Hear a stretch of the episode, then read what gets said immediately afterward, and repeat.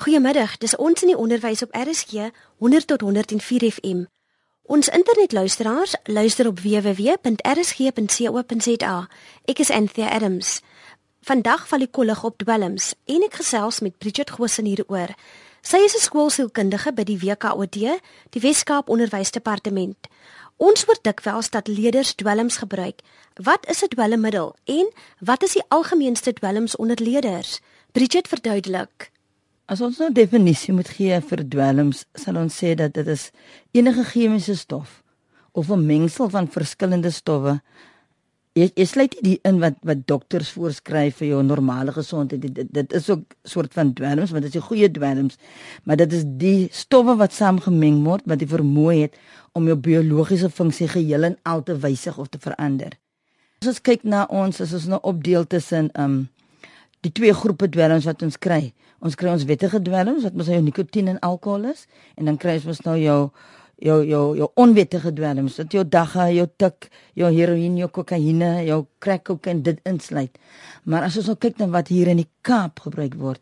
Weet jy, net toevallig het ek nou 'n nuusberig op die nasionale televisie gehoor en hulle sê die hoogste gebruik onder ons tieners in die Wes-Kaap is alkohol en dit is so hoog soos 66% tussen 13 tot 17 jariges en dit was 'n opname wat gedoen was en dit was 20000 respondente wat deelgeneem het aan daardie opname. En die die tweede algemeenste een is is dagga. Dit loop 25%. Tik is dan tweede. Maar weet jy wat interessant is van hierdie statistieke? Was vir my dat hulle sê jou die afgeleë areas is tik eintlik hoër die gebruik daar as wat mense sou dink op die Kaapse vlakte. Daar is verskeie redes hoekom leerders dwelms gebruik.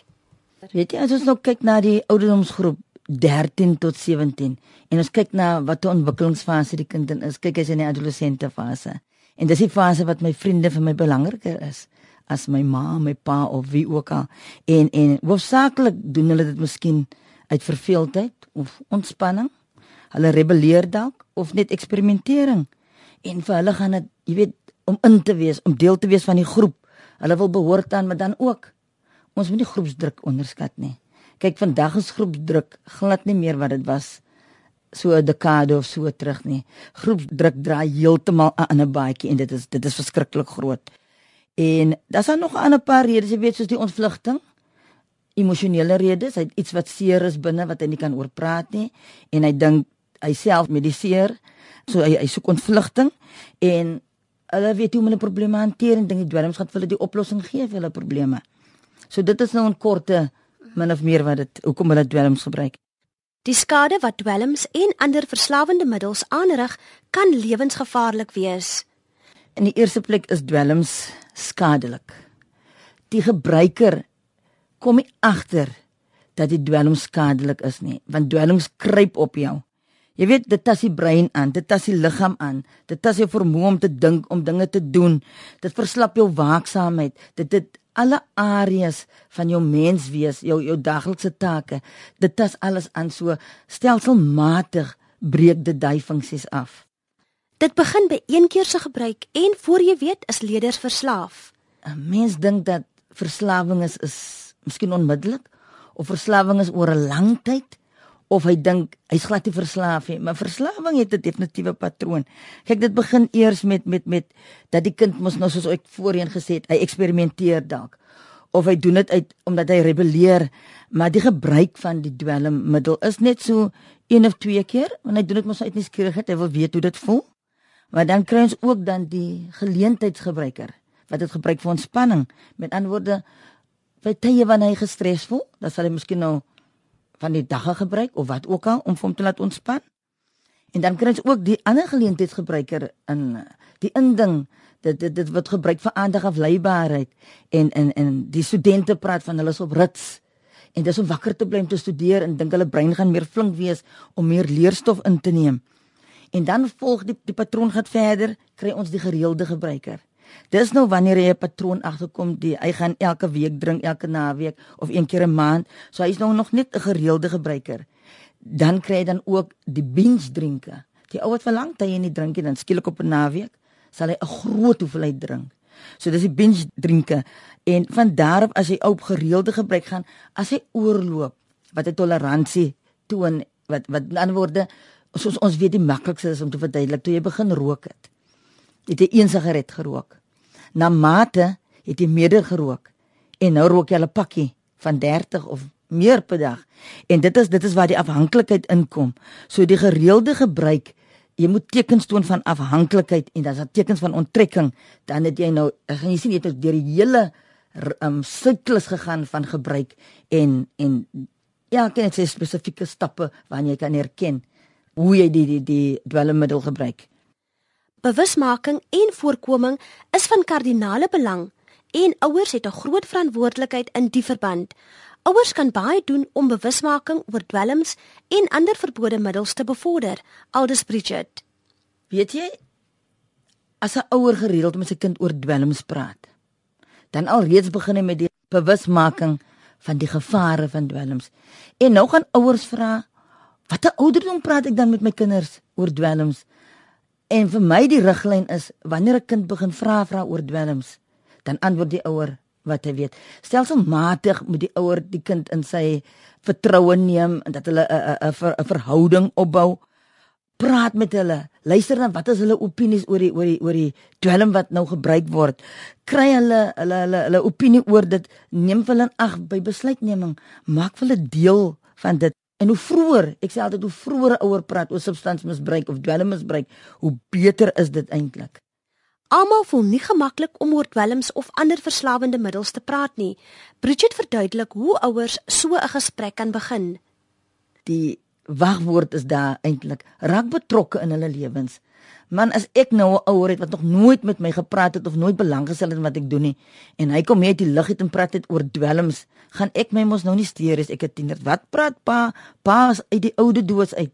Daarom is dit so belangrik om betrokke te wees in die lewe van jou kind woon spesiale geleenthede by so sportbeeenkomste of sang of drama of wat hy ook al doen woon dit by wees aktief besig weet waar hulle is weet met wie hulle is weet hoe lank hulle gaan wees en ook die feit dat jy verhouding bou met hulle leer jy ook vir hulle dat as wanneer hulle probleme het dat hulle met jou kan praat jy weet want veral wanneer hulle ontsteld is dan dan moet jy daar wees om te luister Jy weet, en ook 'n nog 'n ding wat baie belangrik is, ouers moet reëls hê. Ek kan dit nie hoe benadruk ek dit ook al. Ek, ek wil verder stres deur te sê, maak reëls, maar die goue reël by die ouers se reëls is om konsekwent te wees. As jy 'n reël het wat sê jou kind terwyl op skool is, hy moet 9 uur in die huis en in die bed wees, dan moet jy sorg dat dit elke aand gebeur. Dit is gewoonlik die goed 'n ouer moet betrokke wees by sy kind. Hy moet saam met sy kind groei. Onderwysers speel 'n belangrike rol in die verband. Dieselfde wat geld vir die ouer, geld ook vir die opvoeder. Maar die opvoeder is die langste tyd van die dag is eintlik in die plek van die ouer. Ons ken daai uitdrukking in local parentis dan is die opvoeder eintlik die ouer van die kind. Soos ek sê, wees konsekwent. Praat oor dwelmmisbruik, bou verhouding, vra vir die kind, hoe gaan dit? Vra vir hom wat gebeur in sy lewe.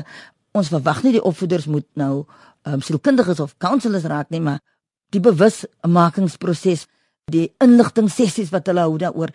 Hoe hoor ons opgaan sê van graad 6 7 af kan leerders hulle opinies gee oor die gevare en die gebruike en hoekom jy moet lieweste dan 'n 'n 'n geheel onthouer raak. Dit moet die bastaal van die skool word. Almal moet betrokke wees daarbey. Vir baie ouers is dit 'n opdraande stryd om eksterne faktore wat dwelmmisbruik aanmoedig af te weer. Bridget het egter raad. Ouers moet moet nommer 1 hulle hulle moet die rolmodel wees. Vandag se kinders is monkey see monkey do. Ons het ouers wat vir ons gesê het Jy mag nie verkeerd doen nie, ons het geluister. Maar vandag doen kinders wat vir hulle gemodelleer word. So ouers moet 'n goeie rolmodel wees.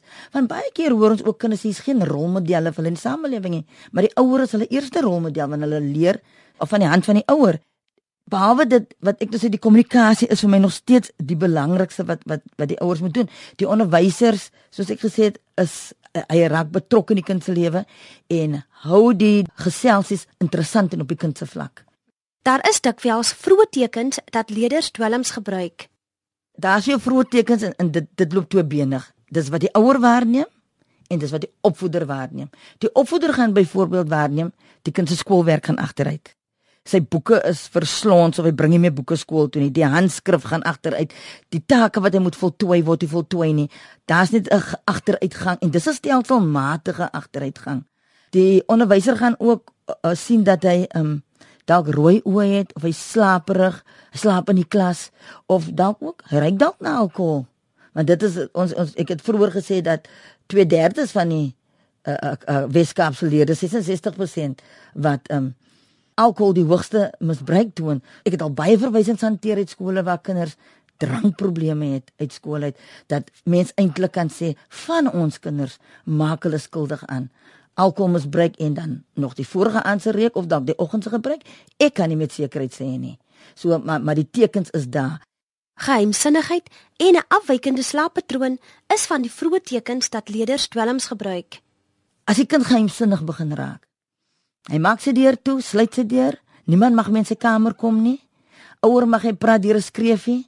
Hy kom laat in.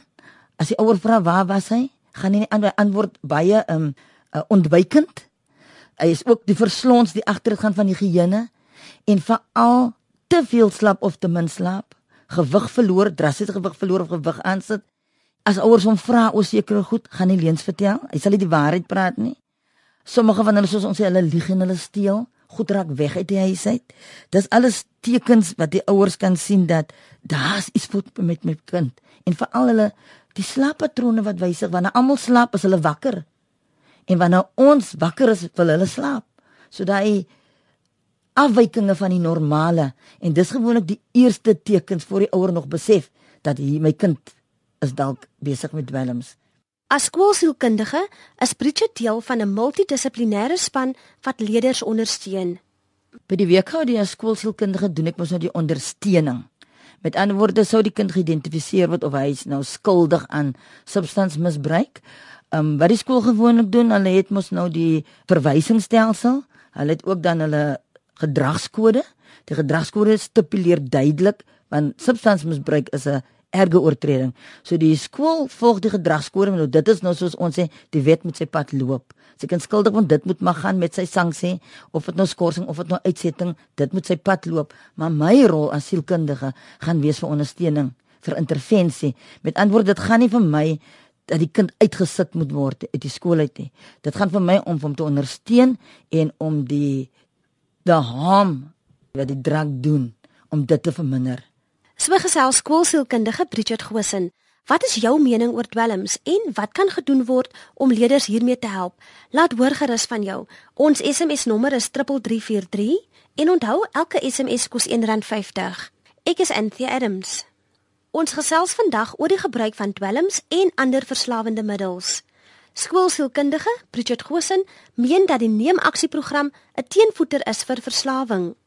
Die neemaksieprogram is maar 'n program wat ek vir myself daar geskep het en geontwerp het want jy weet ons werk met die kind en ons hoor gedurig dat die holistiese opvoeding voed die kind op in sy geheel en weet jy die skool by uitstek verleen om daartoe dat ons almal wat betrokke is in die kind se lewe wat moet aksie neem. So met ander woorde, die neem aksieprogram sê maar net wat die naam sê. En as ons kyk wie is in die kind se lewe betrokke? Die ouers, die familie tuis. Sy uitgebreide familie, uh, wie belangrik is in sy lewe? Ons het die skool, as ons na die gemeenskap kyk, het ons ons kerke. En as ons daar kyk, in die gemeenskap het ons ons gewone um nie regeringsorganisasies en ons weer ons ons kerke wat almal 'n rol speel met met die betrokkenheid in die kind se lewe. En as al daai sisteme in die kind rondom hom almal aksie neem omtrent as die gemeenskap die kerke um eienaarskap neem van wat in die gemeenskap gebeur, gaan ons 'n gesonde skool kry. As die skool eienaarskap neem van wat binne hulle skoolgemeenskap gebeur, kry ons dan 'n gesonde kind. As die ouer by die huis ook eienaarskap neem oor sy familie, stuur hy gesonde kinders skool toe. Die neem aksieprogram fokus op selfbemagtiging. Die skool moet mos sorg dat die kind veilig is. Kan ek as ouer sê die skool waar ek my kind is veilig? Ek dink nie dat 'n mens so maklik kan sê wel die skool is wonderstel om die veilige hawe vir die kind te wees. Maar die kind word dan so baie goed blootgestel. Daarom die die die belangrikste vir my van hierdie neem aksieprogram is is die selfbemagtiging wat ek inbou. Dat die leerder homself kan help, die skool hulle kan help en ek werk by 'n gemeenskap ook en met verskillende kerke dat hulle bemagtig word want dis nie een man werk nie. Dis 'n hele span wat moet werk. Vroeë intervensie is 'n belangrike aspek van die program. Met vroeë intervensie bedoel ek dat ehm um, hoe vroeër ons die kind kan vang. Met ander woorde, as hy in die eksperimenteringsfase is hy in die wat dit neem net vir ontspanning. Daai eerste tekens wat die ouers waarneem, dat as 'n mens met die ouer te doen kry, dat mens vir die ouer sê hoe jy praat met die kind. As jy nou sou uitvind jy sien nie die parafinalie wat aan wie jy's in die kamer, jy sien die daggepyp, jy sien die papiertjies, jy sien die klein ons het maar klein banksakkies soos 'n banksakkie. Jy sien die die goed wat hy miskien nou dagga gebruik of jy kom agter dat hulle leë wynbottels of jy ryk die kind ryk na na wyn of wat ook al dat die ouer nou nie in 'n flatspin moet gaan nie. Daar's 'n uitdrukking in 'n sekere kultuur wat ons het is mos nou klaar wat dit so is. Nou moet ons mos maar nou red wat ons kan. En ek voel net dat as die onderwyser of die sielkundiges of die ouers op daai oomblik ingryp staan die kind 'n groter kans om as ek nou die woord gerehabiliteer gebruik, sal ek sê in aanhalingstekens. As ons kom by dat die kind al afhanklik is, dat hy 'n trekking toon, dan moet ons weet dat ehm um, terugval, relapse is deel van die substansmisbruik siekte. Is deel van die addiction siekte dat baie ouers en baie onderwysers verkeer onder die indruk dat die kind was gestuur na 'n sentrum toe vir rehabilitering En as die kind net 8 weke skoon of miskien kortere maand, dan val hy terug op ou gebruik. Maar relapse of terugval is deel van die siekte. Die vermoë om groepsdruk te hanteer is 'n kernelement van die neemaksieprogram. En dis dis die grootste uitdaging. Dit is die is vir my 'n lewensvaardigheidsprogram. Die program moet so gewysig word dat die kind word mos nie vir ewig in 'n in 'n sentrum ingesit nie. Hy's daar om sekere vaardighede aan te leer, maar die vaardighede moet moet aangepas word sodat hy dit kan toepas binne sy omgewing. As ek moet aangeleer word keuses of om nee te sê om assertief te wees, dit moet ingeoefen word binne die omgewing waar ek sou wees tussen my portuïergroep wat my onder druk sit. Vat net die laaste skuif man jy kan môre ophou dat ek moet weet hoe om nee te sê en dit te bedoel en dat ek weet daar's ander alternatiewe vir die nee sê. Want baie van ons doen dit omdat ek kan nee sê nie, dis baie toegee onder druk en dit is belangrik vir al vir die tiener dat ons moet weet binne watter sosiale konteks hy die dwelm gebruik. Nog 'n vaardigheid is probleemoplossingsvaardighede. Vir hom om nie te kan nee sê nie raak 'n probleem, hoe gaan hy dit oplos? En dis waar die assertiwiteit weer inkom. Intervensie moet indien moontlik onmiddellik begin onmiddellik sodra dit on jou aandag kom. Want hoe vroeër jy vir hom ingryp in sy lewe, hoe groter mate van sukses is daar. Maar in binne alle vlakke van gebruik, of hy nou begin en of hy nou heeltemal afhanklik is, elke geleentheid sou hy betrokke is by dwelmmisbruik, moet ons probeer om in te gryp. Jy, jy kry die wat jy met met die farmakologie met antwoorde as dit in binne pasiëntbehandeling is, wat hulle hom op medikasie sit dan is dit ook buite pasiënt wat in die medikasie gaan aan die hand van terapie. Met ander woorde, kan 'n groep gehanteer word waar die jeugdiges die vaardighede dan geleer word. Ek het vroeër gepraat van die alternatiewe as ons gaan kyk na die jeugsentrums wat ons het, is daar baie werkswinkels opgesit. Ek weet byvoorbeeld van die een hier in Fore waar hulle verskeie werkswinkels het so die vaardighede wat hulle leer om 'n probleem te kan oplos, kry hulle ook tyd om 'n vaardigheid aan te leer sodat hulle 'n alternatief het. Kyk, as jy gaan ophou met 'n dwelmmisbruik, dan gaan jy jou vriende verander. En om jou vriende te verander, moet jy besig wees met iets anders. Dit maak sin hè dat hy moet besig wees om sy aandag af te lei van die, die redes hoekom hy gebruik. So dit is wat hulle in in in die, in die binne program het.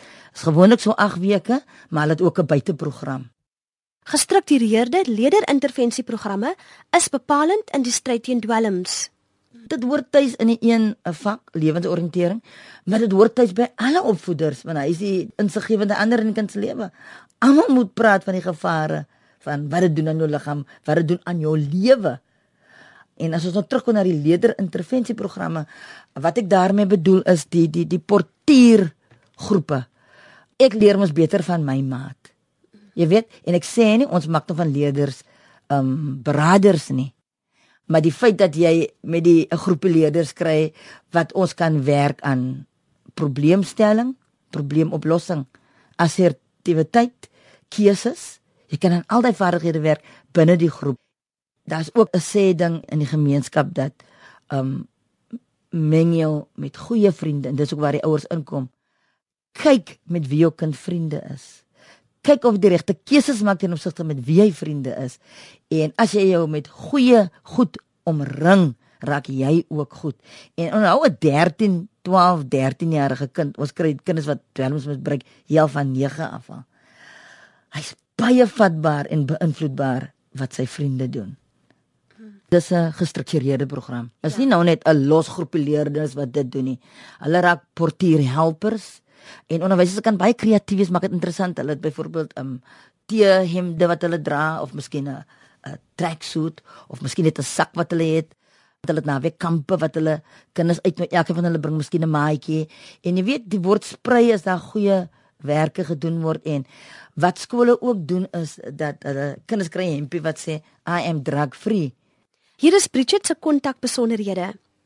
Die sentrale nommer is, is op 021 938300 en as jy sê in watter skool jou kind is, sal die persoon op die skakelbord vir jou direk deursit na daardie kring vir die skool en jy kan enige dit navraag doen. 'n Ouer kan self 'n afspraak maak en inkom of die ouer kan deur die skool werk as die distrikskantoor vir hom te veel moeite is om by uit te kom. En ouers moet hulle nie laat afskrik deur sommige van ons skole baie keer dwing hulle die ouer om privaat te gaan. En baie keer het ouers nie die geld nie. Um goed, ek sal saamstem dat dit dit gaan 'n bietjie langer vat as wat privaat gaan, maar die kind behoort gehelp te word. Dit dan ons program oor dwelms en hoe leerders hierdeur geraak word. Ek het met Bridget Gosen gesels. Sy is 'n skoolsielkundige by die WKOD. Onthou om ons by 3343 te SMS as jy van jou wil laat hoor. Elke SMS kos R1.50. Vriendelike groete van my, Anthea Adams.